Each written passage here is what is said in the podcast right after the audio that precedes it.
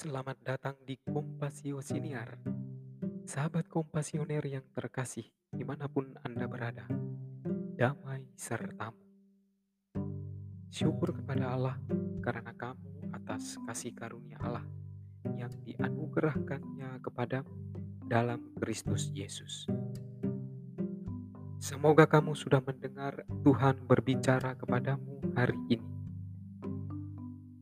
saya ingin membagikan sesuatu yang saya dengar. Semoga ini memperkaya Anda.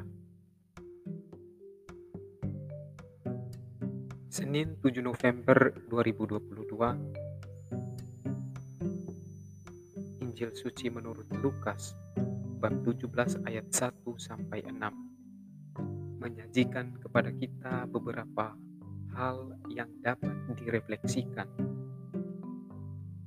Pertama, kata Yesus kepada murid-muridnya, tak mungkin tidak akan ada penyesatan. Sahabat kompasioner yang terkasih, ini suatu kenyataan yang masih dapat kita temui hingga sekarang.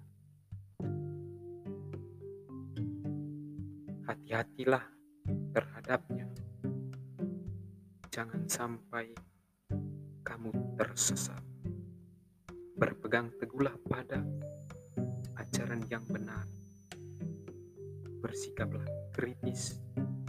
Ujilah terlebih dahulu sebelum kamu menerimanya dan berpegang teguh padanya. Karena itu pesan Yesus, jagalah dirimu. Selain itu, kita juga dapat merefleksikan tentang mengampuni, tentang menegur atau memperbaiki orang lain. Dalam koridor penyesatan, bila Anda melihat saudaramu berada dalam bahaya kesesatan, tegurlah dia sebagai saudara. Guru Tuhan Yesus sudah memberimu cara untuk menegur.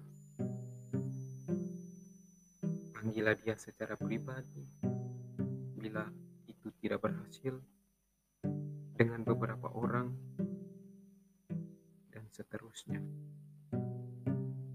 Dan yang paling penting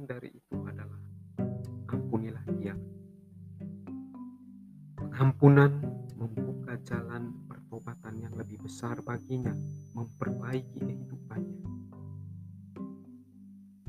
Bila Anda sudah menegur, namun Anda tidak mengampuni dan menerimanya, ia akan terus di jalan kesesatan. Sahabat kompasioner yang terkasih, hal terakhir yang dapat direfleksikan adalah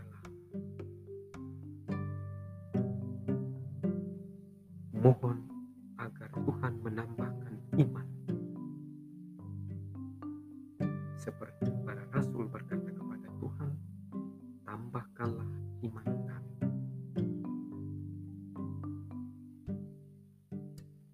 Iman ini menjadi kunci yang penting dalam kehidupan.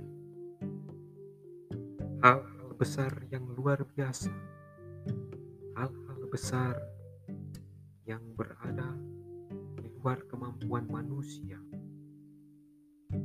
terjadi karena iman. Iman mampu menggerakkan, iman mampu menumbuhkan, iman mampu segalanya bagi orang yang percaya, yang menyerahkan seluruh